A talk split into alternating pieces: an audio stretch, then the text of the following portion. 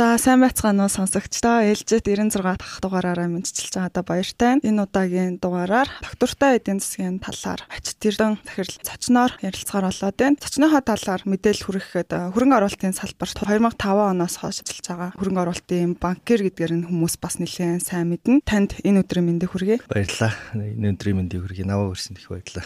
Өөрийгөө та танилцуулаач. Ачтэрдэн гэж яг ямар хүн бэ? За сэтэл асуулт байна л та. Миний хувьд бол яг тэгэхээр өөрийнхөө тухай ярина гэсэн үг чинь би яг 10 жилдээ 2 дугаар сургууль төгссөн. Мөси олон улсын харилцааны солонгослын ангид би 2 жил сурсан. Тэгээд дараа нь ер нь Америк явах боломж олдоод тэгээд тэрийг газар шанал гэж боддtiin л та. Тэгээд солонгослын ангид байхдаа солонгос хэлний багш маань солонгосоос Америк явсан дээр гээд ер нь онц сурдаг байвал scholarship тэтгэлэг олдтiin л гэсэн нэг юм гэлээ. Тэгээд тэр дагнал би хөөцөлсөн юм л та. Тэгээд багаас л гадаадд очих ч юм уу тийм нэг олон ил сураад олон хүмүүстэй харилцах тийм л бодолтой байсан. Тэгээд Middlebury College гэдэг юм сургууль 100% тэтгэлэгтэй явах боломж олцсон. Тэгээд тэр маань бас юм олон улсын харилцаа гэх юм олон орны хэл заадгараа тийм алдартай сургуультай би тэнд очиод эдийн засаг Японы хэлний мэрэгчлэлтэй Японы хэл дутуу зохиолын хоёр мэрэгчлэлтэй төгсөж байсан. Тухайн үед бол яг тэр коллежд явж явах талаа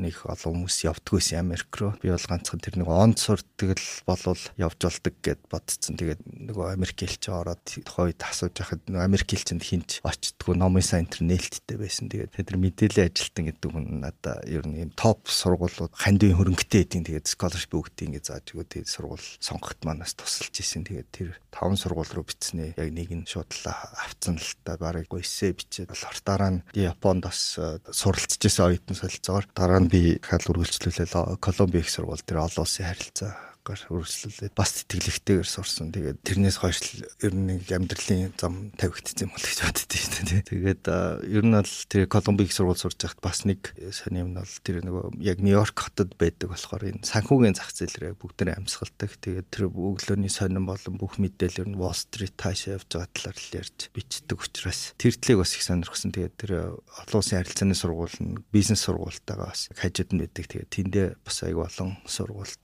хичээл цуух боломж олцсон. Тэгээд олон улсын бизнес гэсэн зэрэгтэй мэрэгчлэлтэйг л төгсөжсэн олон улсын харилцааны сургуулийн аа тэгээд яг хөө тэрнээс хойш л хөрөнгө оруулалтын салбарт ажиллаж байна л да. Wall Street-ийн хавцаа бас нэг хэдэн сар ажиллаж үтсэн. Тэгээд тэр 9 сарын 11-ний дараа Нью-Йорк бол Америк эдийн засаг ламуу болоо тэгээд Монголд л ирж ирсэн юм. 9 сарын 11-ээс болоод ирж ирсэн юм тий. Уу яг тий ер нь тэр бас нөлөөсөн л да айгу тийм хот бол айгу өдөртэй болчт юм лээ хүн болгоно. Инээж байгаа хүмүүс баг болол тэгэл бүх юм хүндрэлтэй л болсон л да. Тэр бол үнэхээр том үйл явдлаас хэдэн мянган хүн гэсэн манай офисын байр бол яг хажууд нь байдаг ус Wall Trade Center-ийн тий. Тэгээс хүмүүстэй айгу хүн дээр нөлөөсөн. Цонхоор ингээд дунж байгаа хүмүүс бол шууд хүмүүст харагдсан. Харж яг 9 цагт ажил цуглаж яхад болсон учраас тийм баялтай. Тэгээ буцаж Монголдо ирээд яг энэ хөрөнгө оруулалтын салбарыг хөгжүүлэхэд бас тодорхой хэмжээгээр гол үүрэг ролтой оролцсон гэж хараад идэг. Тэгээд яг энэ хөрөнгө оруулалтын чиглэлээр анхны одоо санхүүгийн үйлчлэгийг үзүүлжсэн, анхны дийлүүдийг хийжсэн ингээд дуртах юм бол бас зөндөө олон зүйлүүдийг дуртаж болохоор юм л та. Тэгээд хөрөнгө оруулалтын банкэр яагаад болсон бэ? Яагаад арилжааны банк бас байсаар адил хөрөнгө оруулалтын банк нь илүү бас таны сонирхлыг татчихсан бэ тухайн үед? Ер нь бол би Монгол буцаж ирээд юу их вэ гэж бодсон л та. Тэгээд төрийн байгууллагатай ажилласан юм уу гэж бодоо. Залилам энэ төр нэг баг. Тэгээд ер нь бол гол нэг тийм хүний хийж байгаагүй юм хийх сонирхол төрсэн. Тэгээд яг ингээд харахаар хөрөнгө оруулалтын банкны үйл ажиллагаа буюу хувьцаа, бонд гаргадаг, тэрийг нь танилцуул, зуучилж борлуулдаг тийм ажлууд байдаг шүү дээ. Тэгээд тэр хөрөнгө оруулалтын банкэр ил хийдэг ажилтаа. Тэгээд би тэгээд тухайн үед Анод банкнд тийм боломж олдоод хөрөнгө оруулалтын хэлцгээ байгуулад тэндээ ажилласан юм л та. Тэгээд яг хуу бид нар анхны компани бондыг гаргаж ирсэн. Тэр маань одоо MCS компани тийм тухайн үед хэдэн онд вэ? 2003 онд тийм тий. 4 онд ч гэсэн. Гэтэ тухайн үед нэг Shark амар төвшин интернет бид нар ч бас үеих болохоор очиод ийм бонд аргыг салт хийсэн. Жоо тийм тийм задлуу усуд одоо шинэ юм хийхгүй бол эднээс өөр хин ихвтэй гэл тэгэл бид нар бонд гаргаж ирсэн юм да. Тэгээ MCS гарга манайх Underwriter гэдэг. Тэгээд нөгөө Underwriter-ийн зөвшөөрөл авах гэсэн чинь нөгөө санхүүгийн зохицуулах хонооныхан бас тухайн үед болгоомжлоод яг мэдтгүү Underwriter гэж яг юу гэсэн утгатай. Би тэгээд нөгөө сургуультаа үзчихсэн textbook одоо сурах бичгээс яг тэр Underwriter гэдэг хэсгийн Canon-д л тэгэл тухайд үн цасны хороо гэжсэн. Тэрний гişүүдтэй ингээл уулзал явсан л та. Тэгээд энэ Underwriter гэдэг нь ийм үүрэгтэй. Манай улс төр болохоор нэг 200 сая төгрөгийн л дөрмийн сантай ах хэвээр гэснээс өөр үгэл байдгүй. Underwriter гэдэг нь ямар үйлчлэгээ гэдэг нь бас байдаг. Тэгээ яг хөө нэлээ маргалцаа. Тэгээ одоо ч хүмүүс сайн мэддэг л хальта Underwriter гэдэг бол ерөнхийдөө тийм үн цасны танилцуулгыг хийгээд компанигаа аягүй сайн судалж байгаа. Өөрийн мэрэгжлийн төвшөндөө энэ компани энэ бондо юм хувьцаагаа эргээд төлөх нэг бол хувьцаа бол ногдлоо шиг өгөөд цаашаа ирээдүйдээ ажил боломжтой компани байна гэсэн дүгнэлтээ гаргачаад тэр мэдээлэл дээр үндэслээд хүмүүст тэр андеррайтерийн лицензийн дагуу зарах хэрэгтэй л болж байгаа тийм компани л гэсэн үг л дээ. Тэгээд тэрний дагуу нэг удаагийн лиценз аваад дараа нь бас бид нар говийг гаргасан. Дахиад говь дээр зөвхөн говийн бондо зориулс нэг удаагийн андеррайтерийн лиценз өгөө. Тэгэхээр бид нар ер нь тусдаа компани байх хэрэгтэй байна. Тэр 200 сая төгрөгтэй дөрмийн сангийн байгууллаад тэгэхгүй бол дандаа нэг удаагийн зөвшөөрөлтөй байгаад тахаар бас. Тэгээд яг тухайд андеррайтераа ингээд өгж байгаа ч гэсэн нэг арилжааны банк тэрийг хийх хэрэгтэй мүү үгүй мүү гэдэг дээр эргэлзээд байгаа. Тий. Тэгэл компани байгууллал тэгэл 2005 оноос хойш MICC гэдэг компаниг байгуулад явж гин. Тэгээ бид нэр одоо ч гэсэн одоо бонд, хувьцаа, бонд янз бүрийн хилцлүүдийг хийгээл явж байна л та. 2005 оноос хойш гэхээр 17 жилийн хугацаанд бас нэлээд олон 100 гаруй дийлүүдийг хийгээд бараг 2 тэрбум ам долларын хилцлийг бас амжилттай хийсэн түүхтэй байгууллага байгаа. Тэгээд миний хувьд бол анх MICC-г бол бас хөрөнгө оруулалтын банк гэдэг утгаар нь мэддэг байсан. Тэгээд яванда бас хийж байгаа үйл ажиллагаануудыг анзаараад хараад хад сүүлийн жилүүдэд бас нэлээд тийм сэргээгдэх эрчим хүч, ноос ноолуур, махны чиглэлийн төслүүд гэдэг ч юм уу. Зөвхөн нөгөө одоо эдийн засгийн үр ашгийг тооцдог байсан төслүүдийг хийхээс гадна илүү хүрээлэн боо орчин, байгаль орчинд нийгэмд бас ээлтэй нөлөөтэй байх тийм төслүүд бас сүүлийн жилүүдэд чиглээд байгаа юм болов гэд. Тэгэж анзаарсан. Тэгээд таны хувьд бас яаж авч байгаа энэ хөрөнгө оруулалтын салбараа доктортой чиглэл рүү шилжүүлэхэд танд бас юу нөлөөлж исэн бэ? Одоо зөвхөн л нөгөө бид нэр эдийн засгийнхаа үр ашгийг тооцоод байх юм уу? Эсвэл бол бас дараагийн сэдвийн хүрээнд яригддаг нийгмээ бас бодолцох хэрэгтэй юм уу? Байгаль орчноо бас яах хэрэгтэй юм гэдэг ч юм уу тий. Яг энэ чиглэл рүү яаж авч байгаа шилжсэн бэ? Тэг ер нь бол тэгээд 2005 оноос эхлээд ажиллаад тэр дотоодын бирж дээр бонд хувьцаа гаргаад дараа нь ингээд бид нар гадаадын хөрөнгө оруулагчтай илүү ажиллаж ихсэн л дээ. Тэгээд тухайд бас Европын сэргээн босголтын банк офс байгуулж исэн үед давхцаад бас бид нар тэднэртэй төсөл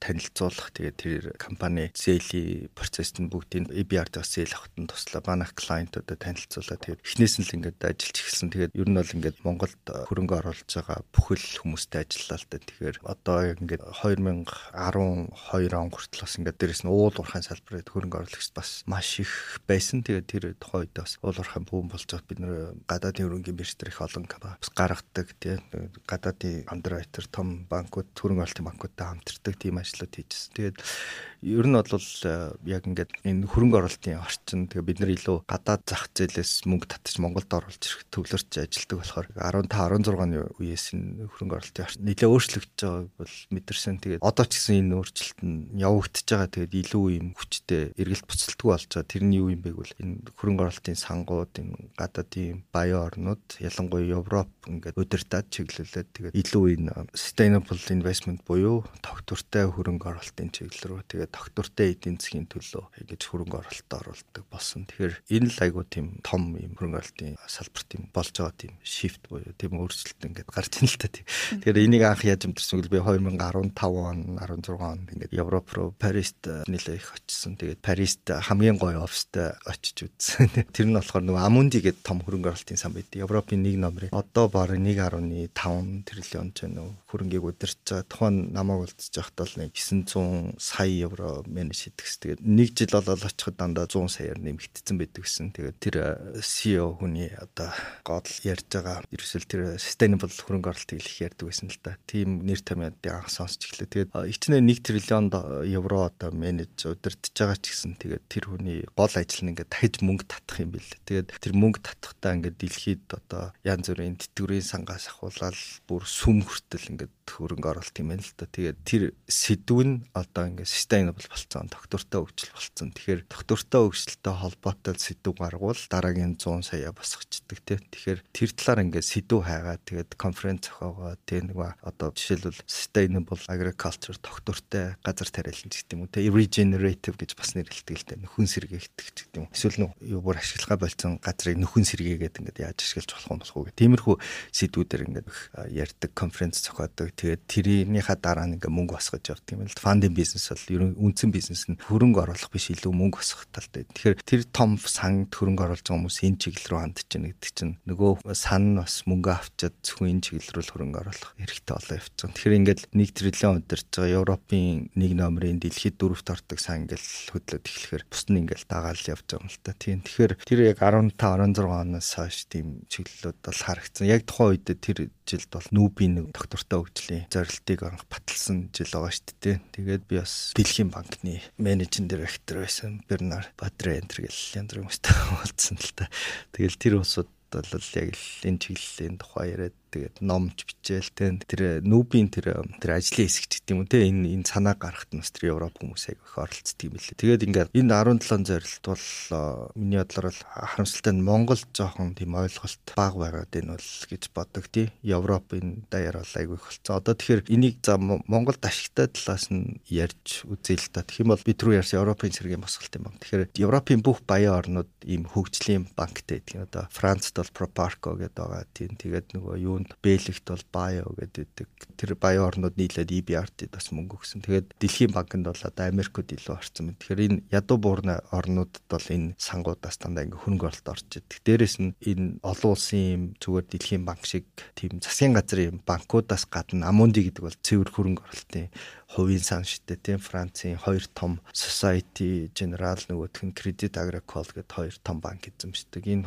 хувийн хөрөнгө оруулалтын сан ч гэсэн иймд хөрөнгө оруулдаг байхгүй. Тэгэхээр яг зөвхөн компани хэлтгүү Монгол улс яг энэ 17 зорилттой бид нэр яг удирдгал болоход ийм ийм төсөл хийх гэж байна гэвэл дэлхийд даяар маш их мөнгө байгаль гэж хэлэх гээд байгаа байхгүй. Тэр яв засгийн газраас нь шахаад дээрэс нь ингээд хувийн сангууд том том хөрөнгө оруулалтын шийдвэр гаргаж байгаа хүмүүсийн бодлын ишээ чиглэлчээр энд агүй их мөнгө олддог болцоо. Манайхан бол тэр энэ өөрчлөлтийг нэг сайн мэдрэхгүй байна даа гэж бодоод байгаа. Аль болохоор энэ төслүүдээ Монгол улсын энэ хөгжлийн зорилтыг зэнтэй ингээд нэгдүүлвэл баян орнуудын одоо хөрөнгө оруулъя гэдэг энэ татвартай хөгжилт өгье гэдэг мөнгүүдийг л авах боломжтой юм л да. Энэ дандаа баг хөөтэй гэдэг эсвэл зүгээр буцалтгүй тусламж олж ирэх ингээд а нөгөө талаараа энэ баян орнууд нь ядуу орнууд туслах бас үүрэг хүлээж байгаа. Яг л энэ sustainable development гэдэг чинь ерөөсөл энэ дэлхийд даяараа ингээл тогтвортой л бүгдээрээ л сайн л хөгжихгүй бол нэг хэсэг нь ядуу нэг хэсэг нь баян байгаа гэвэл одоо нэг ядуу орнууд чинь хүмүүс дөрвөөд баян орнондоо очиод тэдний одоо гой бүтээсэн дэд бүтээсэн нэмлэг сургуулийг нь ачааллын нэмэгдүүлээ ингээд хэцүү болох гэдэг байхгүй. Тэгэхээр энэ бас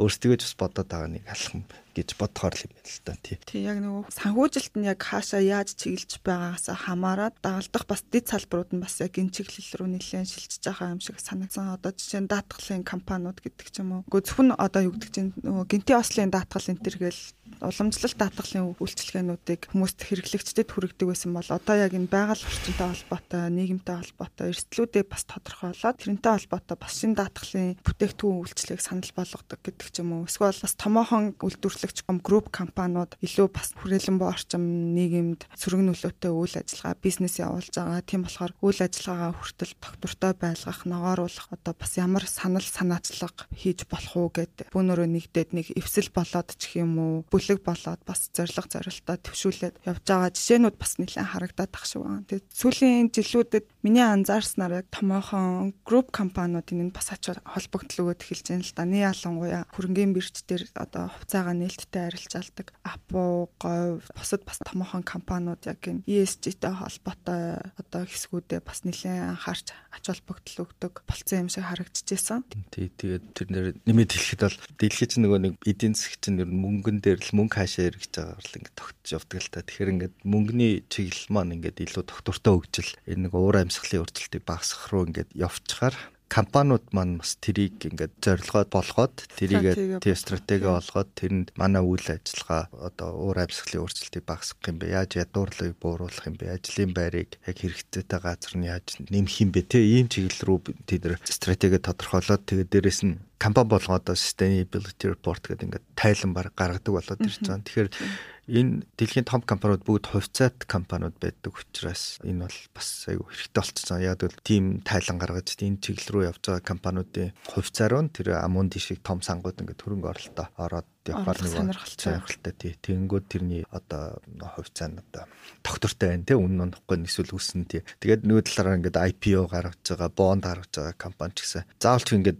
бид нар зөвхөн ингээ мод тарина гэд бонд гаргахгүй л дээ. Гэхдээ ингээ за бидний ийм үйлдвэр явуулах гэж байгаа. Гэхдээ энэ одоо ийм усыг баг хэрэгэлтийн эсвэл дахиад боловсруулалтын эсвэл уур амьсгалын өөрчлөлтийн хүрээнд өөрсдөө мод тарих гэж байгаа ч гэдэг юм уу. Тэгээ иймэрхүү заавал ч хүнийг төлөвлөгөө бид нар энэ талаар санаа тавьж байгаа шүү гэдгийг одоо хөрөнгө босгохтой заавал ярьж явах хэрэгтэй болцсон байгаа юм л та тий. Тэгэхээр Монголын хувьд ярихад бол одоо түрүүн ярьлаа Апу гэдээ ярьлаа тий. Миний бодлоор энэ Heineken 25%-ийг эзэмшдэг учраас тэдний талаас энэ зорилтуудын айгу өвчтөд орж ирж байгаа болов уу тэгээд энэ ингээд байгаа. Тэр нь айгу сайн зөвлөлттэй. Тэгээд аа нийт одоо компаниудаараа нийт эдийн засгаар бас энэ төлөө ойлголт маш муу байна л да. Тэгэхээр энэ талаар л бүгдээ ойлгох хэрэгтэй мөн гэж бодоод байгаа. Нэгдүгээрт одоо яг бидний хүрээлэн буу орчин эдийн засгт айгу хэрэгтэй. Хоёрт нь бол энэ чиглэлээр явбал бид нар чинь ядуурлаас амархан гарах гэдэг юм л да. Нөгөө гадны мөнгийг бол амархан татчих болох гэдэг. Тэгэхээр энэ дээр юу хэлэх байгаа юм бол Монголд бол нөгөө доктортой хөгжил гэдэг юм уу доктортой эдийн засаг гэхээр ерөөхдөө нэг үнийн өсөлттэй айгу доктортой байх ч юм уу тэ нэг талах махны үн доктортой байхыг л доктортой хөгжил эдийн засаг гэдэг ингээд бодоод ах шиг байна. Тэгэхээр уламжлалт эдийн засгийн ойлголтоор тий. Тий. Тэгэхээр энэ хүмүүсийн талгаад ерөөсөө бохгүй. Эсвэл нэг бол зөвхөн энэ нэг дэлхийн дулаарлалтай холбоотой нөгөө сэргийгч төрчм хичээл яриад байгаа гэдэг ингээд а энэ бол хитрхи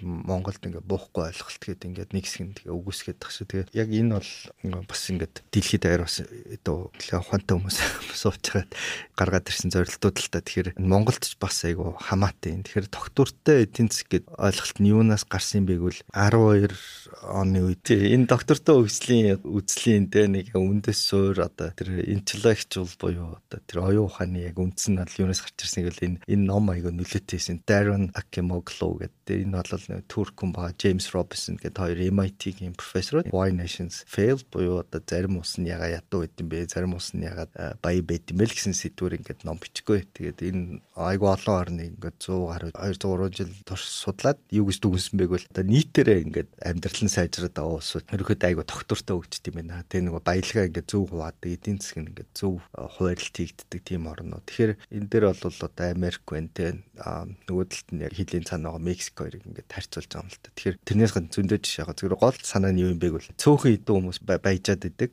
Аа тэгээд нөгөө ядуу хүмүүс нь улам ядуу болоод идэг. За нөгөө тэгш бус байдлаа бий болгоод тий. Тий, тийм эдийн засгууд бол тогтвортой байж чаддгүй юм байна. Нэг бол ингээд ядуурлын хувь нэг өндөр байгаад юм бол ядуу хүмүүс нь яг яагаад ядуу байгааг сайн мэдэхгүй ш. Тэгэхээр нэг улс төрч гарч ирэл би та нарыг баян болгоно. Би одоо энэ бүх баялын баялыг та нарт зүгээр тэг шуугаад өгчнө гэж сонгогдтол. Тэгэл тэр бодлогоч бас явахгүй ш. Гэхдээ нэг ихэнх нь ядуу болохоор ингээд айгу хурдан хурдан ингээд өөрчлөгдөд популист хүмүүс их сонгох магадaltaй. Хоёрт нь бол сонгогдсон үн янз бүрийн ямар ч сонголтгүй сонголоод явуулаад те өөртөө ингээд хүчээ ингээд хадгалаад идэг ш. Тэгэх юм бол байж байгаад хувьсгал гарчт юм байна. Нөгөө ядуу хүмүүс нь бүр ядуурсаар ядуурсаар нөгөө э, Маркс хэлснээр нөгөө гинжнээс өөр алдах юмгүй болоод ирэхээр бослог гаргаа удамжинд гаргаад нөгөө засгийн газар унгаа дахиад шин э, хүмүүс засгийн хэрхэнд гараад ингээ явчихаар одоо эн чинь нөгөө эрсдэл болоо явж байгаа байхгүй. Тэгэнгүүтээ дахиад ингээ шинээр эхлэх болж байгаа байхгүй. Тэг шинэ эдийн засаг босоод тэг нөгөө баян хүмүүсийн хөрөнгөний хураацсан юм чинь дахиад ингээл ингээл тогтвортой биш учраас ингээ тэр хөгжижсэн нөгөө бүтээжсэн баялгаа алдчихсан баг. Тэгээд дахиад ингээ гарч ирэх. А нөгөө талд нь ингээ зугуухан ч гэсэн ингээ бүгдээрээ гайгүй ингээд э, баяжаад яваад байгаа. Одоо Европын орнд ч гэдэм Америк эдийн засгч нь ерөөхдөө нөгөө нийтээрээ бас ядуурлал нь байгаа л да. Тэгтээ ингээд дундаж давхар энэ төр их болохоор тэд нар чи илүү тогтвортой байгаа байхгүй. Нэг улс төр нь бас ингээд савлахгүй популист хүмүүс арай бага сонгогдно. Тэгээд яг энэ үндсэн зарчим юм байна. Тэгэхээр тогтвортой эдийн засаг, тогтвортой хөгжил гэдгийг нэг номрын зорилгыг харах юм бол ядуурлыг бууруулах гэж байгаа. Энэ ягаад чухал юм бэ гэвэл ядуурлаа шийдэж чадахгүй бол тухайн улс тухайн эдийн засаг тогтвортой хөгжиж чадахгүй. Нөгөө ядуу хүмүүс чинь их байгаа л бол популист засгийн газар орчин. А эсвэл хувьсгал болно. Ингээд нөгөө бүтээжсэн хийжсэн юм алдаад явчих юм байна л та. Энэ дээр бол нөгөө тогтвортой хөгжлийн нэг номерын зорилт бол ядуурл байхгүй нийгмийг бүтээе гэсэн зорилго байгаа. Тэгээд энэ бол яг үндэс өөрнө гэж ойлгож болно. Тэгээд энэтэй бусад зорилгууд нь бас айгүй уялддаг. Одоо жишээлбэл сайн чанарын боловсралтай байх хэрэгтэй. Тэгвэл боловсралтай хүмүүс бол бас ингээд хамаагүй хүмүүс сонгоод авахгүй ч гэдэг юм. Тэгээд хүний худлаа ярьж байгаа бас ялах мэдлэгтэй болоод ирнэ. Тэгээд хоёрт нь би нэг чухал юм ярмаар байгаа нэг clean water цэвэр ус болон ариун цэврийн байгууламж. Энэ бол бас ядуурлалтай айгүй холбоотой байхгүй. Одоо нөгөө цэвэр ус эргэлж чадахгүй, дээрээс нь ариун цэврийн байгууламж байхгүй. Газрууд одоо манай гэр хорол шиг эн чинь нөгөө ядуурлыг нэмээд байгаа байхгүй. Зарим хэсэг нь ингээд байшин байгаад усанд явах цаг хэмжиж штэ. Дээрэс нь бүрийн өвчин тусах нь багасаад ирж байгаа байхгүй. Тэгэнгүүт ядуу хүмүүс улам ядуу болоод гэр орлын хөвгт маань нөгөө хичээлд зарцуулах цагаа усан ч юм уу түлэнд яваад өнгөрөөд дээ. Тэгэхээр энэ л айгүй чухал юм л гэж би боддгийн. Доктортой хөгжлийн гол үзэл санааны нэг хэсэг нь одоо энэ дэлхийд даяарны хөгжлөө ярихтаа ер нь хүмүүс дотоодын нийт бүтээгдэхүүн тэд өссөн мөсөн гэхийн оронд манай ядуурлын хувь тэд байж байгаа тэд болсон. Манай хүн амын тэдөө нь одоо боловсон нойл хэрэгэлтэгээд ээж орлонтой ингээд ариун цэврийн байгууламжид тэдөө өн хангагдсан гэж ингэж илүү хөгжлийг өөр өнцгөөс нь тодорхойлдог болчиход байгаа. Яг гэвэл тэр их зүгээр байгалийн баялагтай орон тэр анх уурхаагаа ашиглаж эхлэл мангар том өсөлт гарч болно. Монголд нөгөө 17% өсөлт гарсан шүү дээ. Тэгтээ нөгөөх нь тогтвортой биш байдаг байхгүй. Энэ бүх асуудлуудаа шийдэж чадахгүй бол тэр харамсалтай нь Монгол болон одоо Венесуэл тэгэл энэ бүх орнууд ийм юм харагдтал энэ. Тэгэхээр энэ зорилгоудаа ойлгоод манайх энэ уул уурхаагаас орж ирж байгаа мөнгөө гэр оролт дэд бүтц тавих ч юм уу те яг энэ хүн болгоно одоо цэвэр усны хангамж нь гэртээ карант онгойлохгүй байдаг. Тийм болоод ирэх юм бол энэ ядуурлж аянда ингээд багасах байхгүй тий. Тэгэхээр яг энэ мөнгө хуваарлахтаа ч гэсэн одоо энэ энэ 17 зорилтыг яг чагсааж байгаа. За энэ рүү бид нэр тэдэн сая доллар оруулах яг л ингээл явчих хэвээр санагдав. Тэгвэл нөгөө талаасаа бид нар Европын том сан засгийн газар нь яг зөв алхам хийвэл мөнгө өгөх гэдэг түүнээс ингээд аваад бид нар Эрдэнэс 5 толгойнхаа борлуулалтыг тэтгэн нэмнэ гэвэл бас мөнгө олоход хэцүү болж байна. Баса ядуурл гэсэн чинь нөгөө ядуурлын эдийн засаг гэдэг ном өнгөрсөн жил гарсан шүү дээ. MIT-гийн хоёр гэр бүлийн хоёр судлаач яг зөвхөн ядуурлыг судалдаг тусдаа тийм лабораторитой. Одоо ядуу эдийн засаг уу аль эсвэл зөвхөн нөгөө ядуу зохицуулт хийгдэж байгаа нь гол чухал уу гэдэг ч юм уу те тэрүүгээрээ бас ядуурлын судалгаагаа сүүлийн 10-аад жил хийгээд тэгээд Нобелийн шагнал авсан гэд гарч ирсэн. Тэр бас нэлээд сонирхлыг татсан. Миний хувьд одоо яг тэр одоо юу гэдэг чинь Нобелийн сонирхол татаа. Дээрээс нь таны өмнө нь бас ярьжсэн гол асуудал маань ер нь л яг ядуурлаагаад байгаа маа. Ядуурл байгаа болохоор тэр чинь бүх юмны их үүсвэр болчиход байгаа маа. Агарын бохирдол, орчны бохирдол, сурах орчин гэдэг ч юм уу. Тэгэхээр яг энэ талаарх ойлголт мэдээллийг хин нэг ингээд тогтмол ингээд хилээл яриад явж ах хэрэгтэй юм шиг байна. Тэгээ анзаараад тахад миний үеийн залуучууд бас нэлээд энэ талаарх ойлголтыг ойлгодог болсон, анхаарал хандуулаа ач холбогдол өгдөг болсон. Үгүй ядаж хийж байгаа ажил маань хүртэл тодорхой нэг хэмжээний утга учиртай үр дүн гаргацгаар импакттай ажил хийх сонирхолтой болсон. Зөвхөн нэг одоо чи банк групп компани нэг хэсэг байхаасаа илүү нэг жижигхэн хэрнээ яг ингээ өөрийнхөө хэмжээнд ингээ тодорхой хэмжээний хувь нэмэр оруулцгаар тэр одоо хийж байгаа ажил нь ингээ нүдэн дээр нь өөрчлөлт ингээ гараад явж байгааг бас ингээ харах сонирхолтой хүмүүс бас нэлээд их болцсон юм шиг санагдсан. Тэгэхээр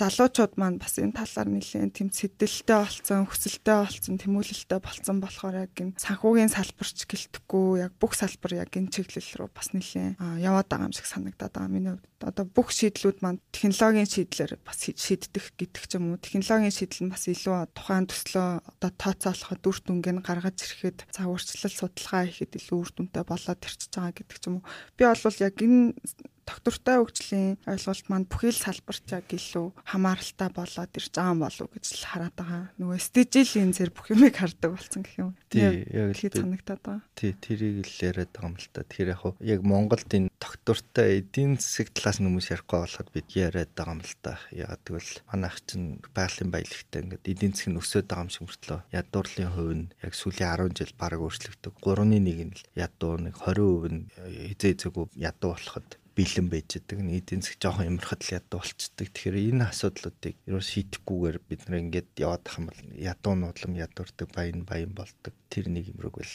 явсараа гал нэг тогтургүй эдийн засаг гэдэг нь л болох гэдэг энээс гарах ганц арга бол тэр энэ эдийн засаг гэж юу юм бэ? Яавал энэ савлахгүй байх юм бэ? Тэгээ миний бодлоор л нэг дэд бүтцэд л хөрөнгө оруулах юм шиг байна. Зүгээр хүнд ойлгомжтойгоор ярих юм бол энэ дуртай хөгжлийн зорилгын одоо баг 11 нь бол энэ нийгэмтэй холбоотой тийм залтад байгаа байхгүй 17 зорилгын 10. Тэгэхээр энэ нийгэмдээ илүү энэ дэд бүтцэд тэгээд цэвэр бохор устэй заавал хүн байшинд амьдрах хэрэггүй 23 давхар байшинд амьдрах хэрэггүй баг.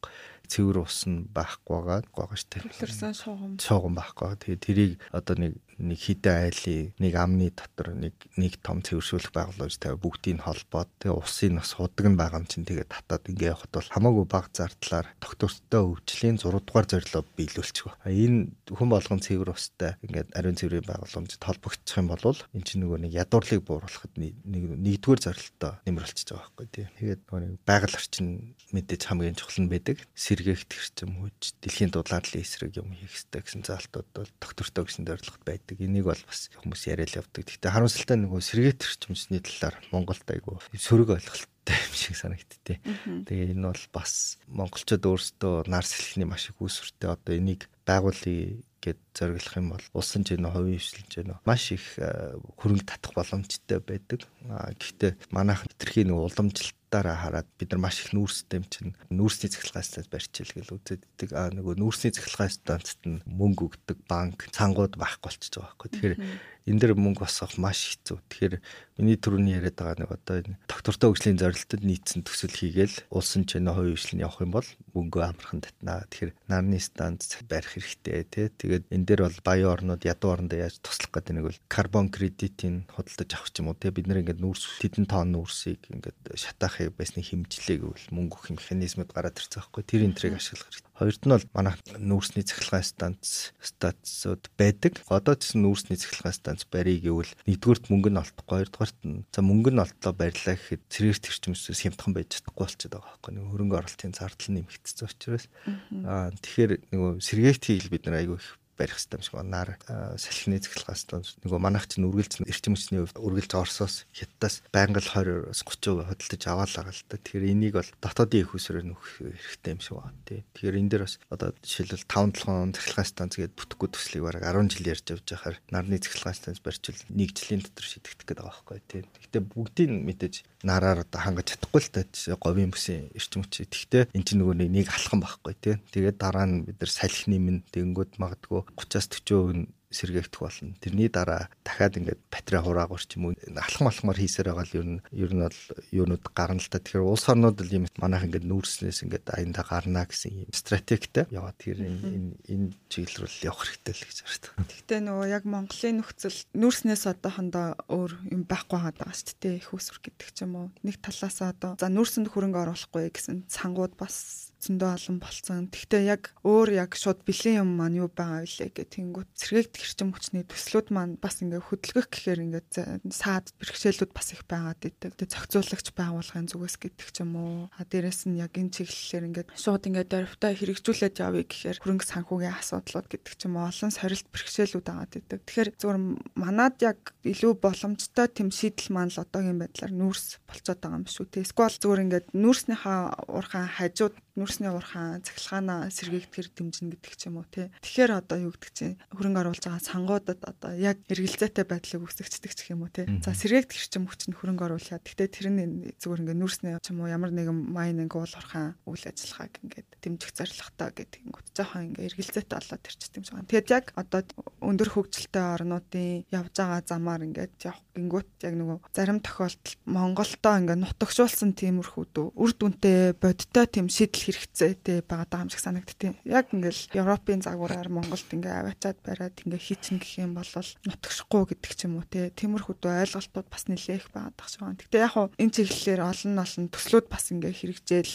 олон хүмүүс бас энэ талаарх ойлголтыг ингээ сайжруулах гал яваалах шиг байна л да. Гэхдээ тэр тийм хүмүүс нь бас нэлээд цөөхөн. Тэгэл гол сорилт бэрхшээл нь ингээл зүгээр л нэг тодорхой нэг хэсэг бүлгийн хүмүүс л тэр сэдвээ яриад тэр чиглэлтэй илүү ач холбогдол өгөө цаг цаваа зарцуулаад байдаг. Тэгэд яг ойлгуулъя гэх тэгэнгүүт яг нийт хүмүүс нь яг л арай өөр төвчний хүмүүс гэдэг ч юм уу. Миний бодлоор зүгээр жоохон талаарх ойлголт мэдлэг мэдээллийг нь сайжруулах хэрэгтэй юм шиг санагдаад байна. Шийдвэр гаргаж байгаа хүмүүс маань гэдэг ч юм уу тий. Одоо яг энэ түрүүний сэргийт хэрчим чинь яг л нөгөө доктортой өгжл гэдэгтэй зориг гэдэгтэй адилхан нэг тийм оо ниш зах зээл гэдэг чинь хэсэг бүлэг хүмүүс айгу баг хүмүүсийн ойлгодог сонирхдаг сэдв болчиход байгаа юм л да. Европ болон дэлхийд даяар бол энэ гол сэдв нь болчиход байгаа байхгүй юу? Мейнстрим гэдэг гол. Тэгэхээр энэ нишийг л Монголд энэ жижигхэн хүмүүс яриад байгаа л олон хүн ярьдаг юм болох хэрэгтэй. Санагтаа тэгээ би чиний подкастыг бол бас айгу хараад яг Монголд яг энэ чиглэлээр ганцхан ярьж байгаа ганцхан подкаст юм байна гэж бодсон. Аа нөгөө Европ болон юугаар болохоор хүн болгоо яриад идэх чи ганцаараа яриад идэх тийм л. Ганцаараа л яриад идэх. Гэтэ яг түрүү нөгөө сэргээт гэрчмэн дээр бас хэлээ нөгөө Монгол нэгдүгээр айгу амжилттай хэрэгж байгаа төслүүд бас байдаг. Тийм тэгээд одоо нэгэнтээ бид нар хязгаарч ажиллаад 1 2 жил болж гин тэгээд энэ болохоор сайн шандад байдаг нарны цэцгэлгээ станц та. Тэгээд тэд нар бол 30 мегаваттын хамгийн том нарны цэцгэлгээ станц ажилуулдаг. Цаашдаа бас өргөжүүлэх дахиад хөрөнгө оруулах сонирхолтой байдаг. Тэгээд ер нь бол зөвхөн Монголд гэлтгүү дэлхийд даяар ингээд хөрөнгө оруулалт хийгээд нарны цэцгэлгээ станц барьсан юм билэ 10-аад орнд. Тэгэхээр тэдний бас нэг үзэж байгаагаар бол Монгол нөгөө улс төрийн хувьд бол илүү арчилсан учраас бас илүү ирээдүй байна гэж зөв дахиад хөрөнгө оруулах сонирхолтой байгаа нь бас нэг таатай мэдээ баг. Тэгээд хоёрт нь бол зүгээр яг санхүүжилт олоход бол үнэхээр хэцүү байна. Нэгдүгээр Монголын банк болгон юунууд ойлгохгүй байна. Хоёрт нь манай засгийн газар жоохон нөгөө ойлголтын зөрүүнөөс болоод яг тийм гадаадын банкнуудын шаардаад байгаа стандарт хэмжээгээр нөгөө гэрээнүүдийг хийж өгөх хэрэггүй л байгаа. Нөгөө цахилгаана тэр тэргүү улсад зардаг шүү дээ. Тэгэнгүүт энэ зөвхөн тарифын асуудал биш нөгөө төлбөр мөнгөний асуудал юм байл л. Тэгээ нарийн деталь руу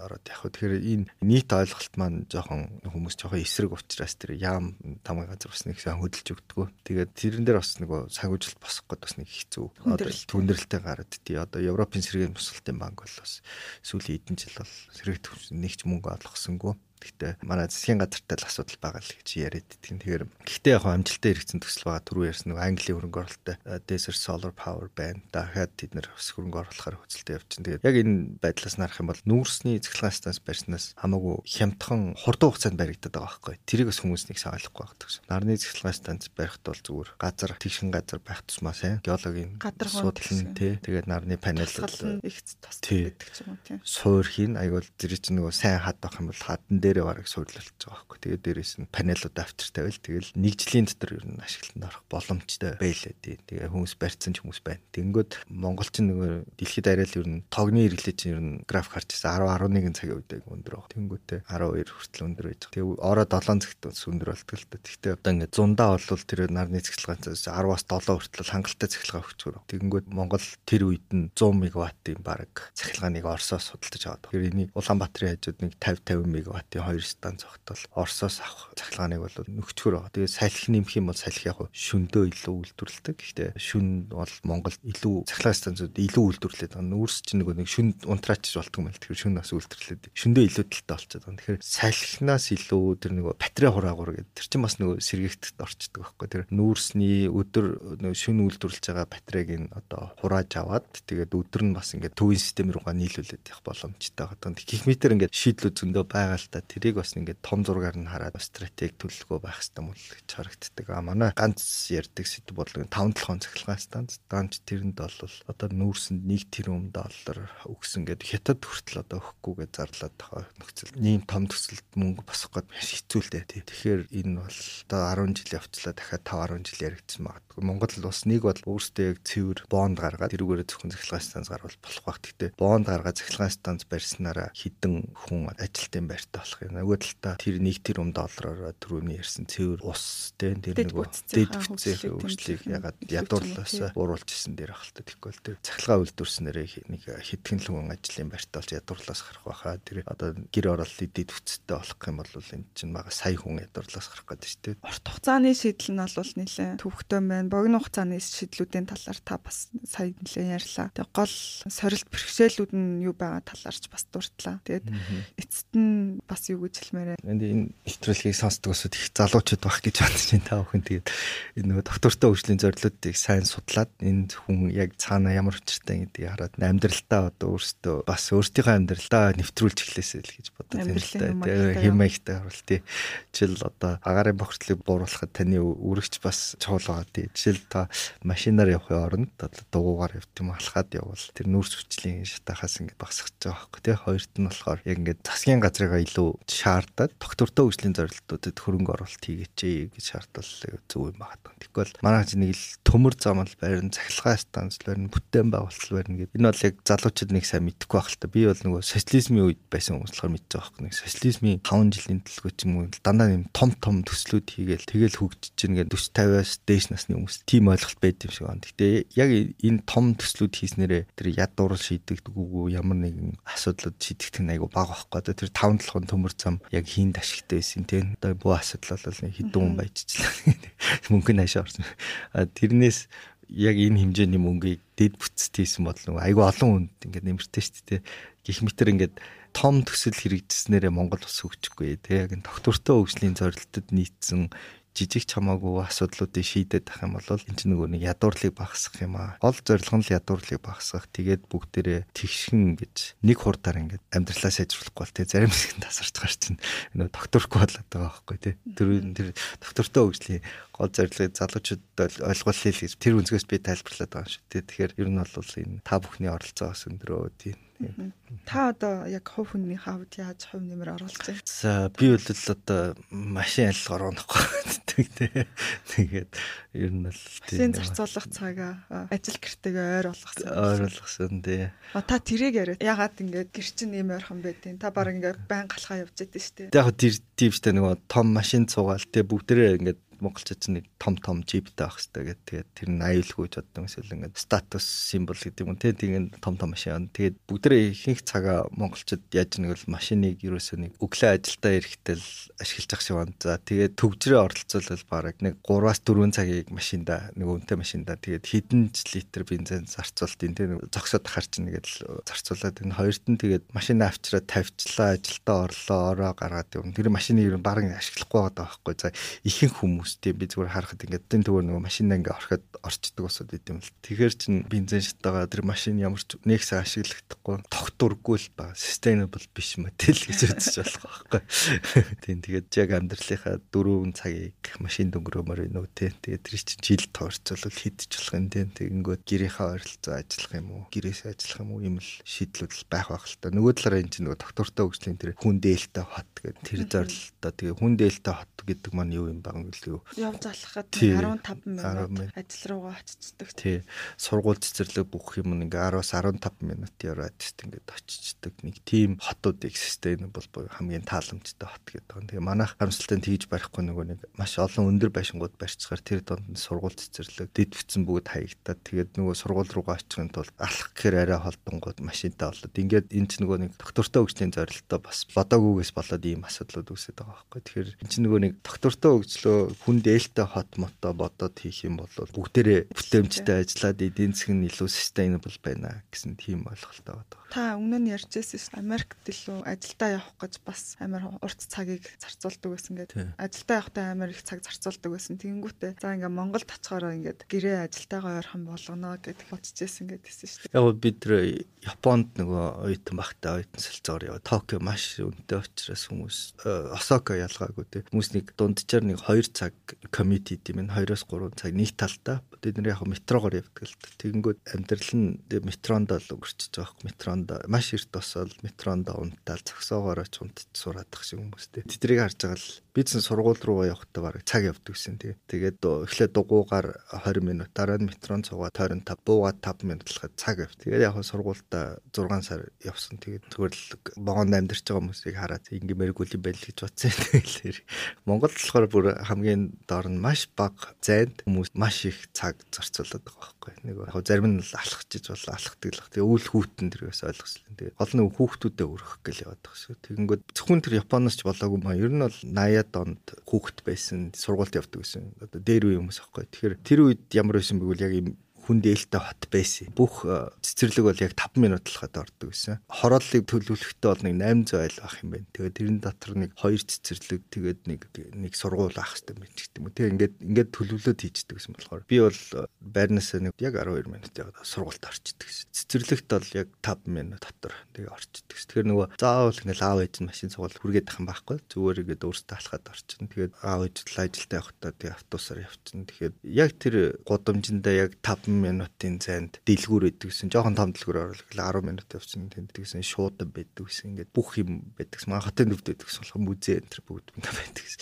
Тэгэл ер нь одоо том хотод харахад нэг бас Парис энэ бол тиймэрхүү зохион байгуулалт шүү дээ. Ерөнхийдөө өөрийнхөө блоктой амьдраад бүх юм хийж болно. Нэг өөр тийш яваад байдаг. Тэгэхээр ингээд түрүүний ярьдаг Эльтот Монгол бас тэр нь байсан юм аа. Тэгэхээр одоо нөгөө хүмүүс сүүлийн 2000 оноос 2010 оноос хойш өөрчлөлтсөн л та. Тэгэхээр тэр Эльтот хотыг мэдхгүй тийм үе өсөж гэн л та. Тэгэхээр сая хот гэж ийм юм төгжрэлтэй байсан юм шиг. Тийм шүү дээ. Хот ийм байдгүй шүү. Тийм. Ер нь Эльтот хот гэдгийн төлөө хүмүүс бас шаардлага тавьж хөрөнгө оруулалтыг та бүхэн бүгдээрээ татвар төлдөг. Тэгээд тэр татварын мөнгө хаашаа орж байгааг хүмүүс хянаад доктортой өвжил Эльтот хот руу зорилтууд нийцсэн тийм хөрөнгө оруулалтыг л дэмжих хэрэгтэй шүү. Ээлтэй хотод иргэдийн оролцоо айгүй чухал гэж хэлээд байдаг. Тий. Тий. Одоо ч нэг өндөр байшинд барих гад тэр чинь бас sustainable биш байгаа өндөр байсан те. Төвчрөө үсгэн дулаан алдагдал ихтэй. Дулаан алдагдал ихтэй. Адилхан зарцуулалт ихтэй. тэгэл тэр талаасаа бодоод төлөвлөх юм бол нөгөө маш их мөнгө хэмнэгдээд байгаа байхгүй улс орондоо яриа тэгэхээр улс ингээд нэг байшин барьлаа гэл байшин нураагаал байшин бариад идэх штэ тэр бол тийм тогтургүй хөрөнгө оруулалт байхгүй одоо. Дээр үеийн байшингууд бүгдээрээ маш тийм дулаан алдагдал багтай. Баг ингээд байглаараа ингээд наран эвэр тал руу харуулаа барьцсан. 40 мянган байрууд байна. тий агаар солилцоон сайтай ийм байрууд одоо sustainable байшингууд байхгүй. Тэгэнгүүт одоо тэрийг нөгөө нэг юм өндөр юм конкретэн өндөр байшингаар солихоор тэр чин тогны хэрэглээ нэмчихэж байгаа. Дахиад нөгөө агааржуулалтын зардал нэмчихэж байгаа. Дулаан алдагдлээ. Тийм өндөр байшин гэж хадлах зардал бас маш ихтэй. Тэгээд ингээд байглаараа халах юм дэрэнд үлдэхгүй болчихоо нөгөө айгүй том цементэн байшин чи нэг халахтай хэцүү нэг дулааныг ерөөсө хадгалдаггүй юм байл л. Гэх мэтэр ингээд sustainable гэдэг чинь ер нь бидний амьдрал тутамд байгаад байгаа. Тэгээд залуучуудын талаар ингээд нэтэ онголгоод харах хэрэгтэй болоо гэж.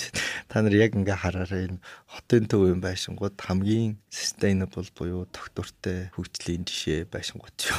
40 50 мянгатай. 40 50 мянгатай. Дээр үед барьжсэн. Яг тэгвэл энэ чинь нөгөө нэг ийм шилтгаантай байхгүй. Тэр үед тим чих дулааны цахилгаан станц байгаагүй үед баригдсан юм шиг байна. Тэгэнгүүт нөгөө хамгийн бага зардлаар халаагаад тэгээд хамгийн их яаж ингээд дулааныг нь хадгалж байх уу гэж бодоод барьсан. Тэгэхээр айгүй зузаан хаантай. Дээдлийн дээвэрт нөгөө нэг агаар хоримтлогддог учраас ингээд дулааныг ингээд алдагдлын тэр дээвэр дээрээ барьчаад байгаа байхгүй. Тэгэнгүүт тэр чинь ингээд нөгөө цаанаасаа ингээд дулаалгатай байшин шиг нэг халчгаараа өдрийн наранд хадлал шөндөө тэр дулаана дээвэртэй оримтлуулаад хоноод идэг ийм байшингууд. Яг тэгвэл бүгд нөгөө нэг айлууд дотроо зуухтай байсан байхгүй. Зуухаараа алчдаг. Өвөл болохоор sustainable гэдэг чинь архитекторч байгаа, бүх юм нь дизайнч байгаа тий. За за тэгэхээр энэ удаагийн дугаар маань энэ түрээд өндөрлөж байна. Яг доктортой эдийн засаг гэсэн ойлголтын талаар ерөнхий концепцийг яриад за үргэлжлээд яг доктортой хөгжил гэж юу юм бэ? Энэ маань ингээд бидний эргэн тойронд амьдралд хүртэл хэрхэн яаж нөлөөлөд байгаа талаар бас та бүхэнд бас тодорхой хэмжээний ойлголт мэдээлэл мэдлэг өгсөн баг гэж найдаж байна. Цочноор оролцсон ач тэртэн захиралт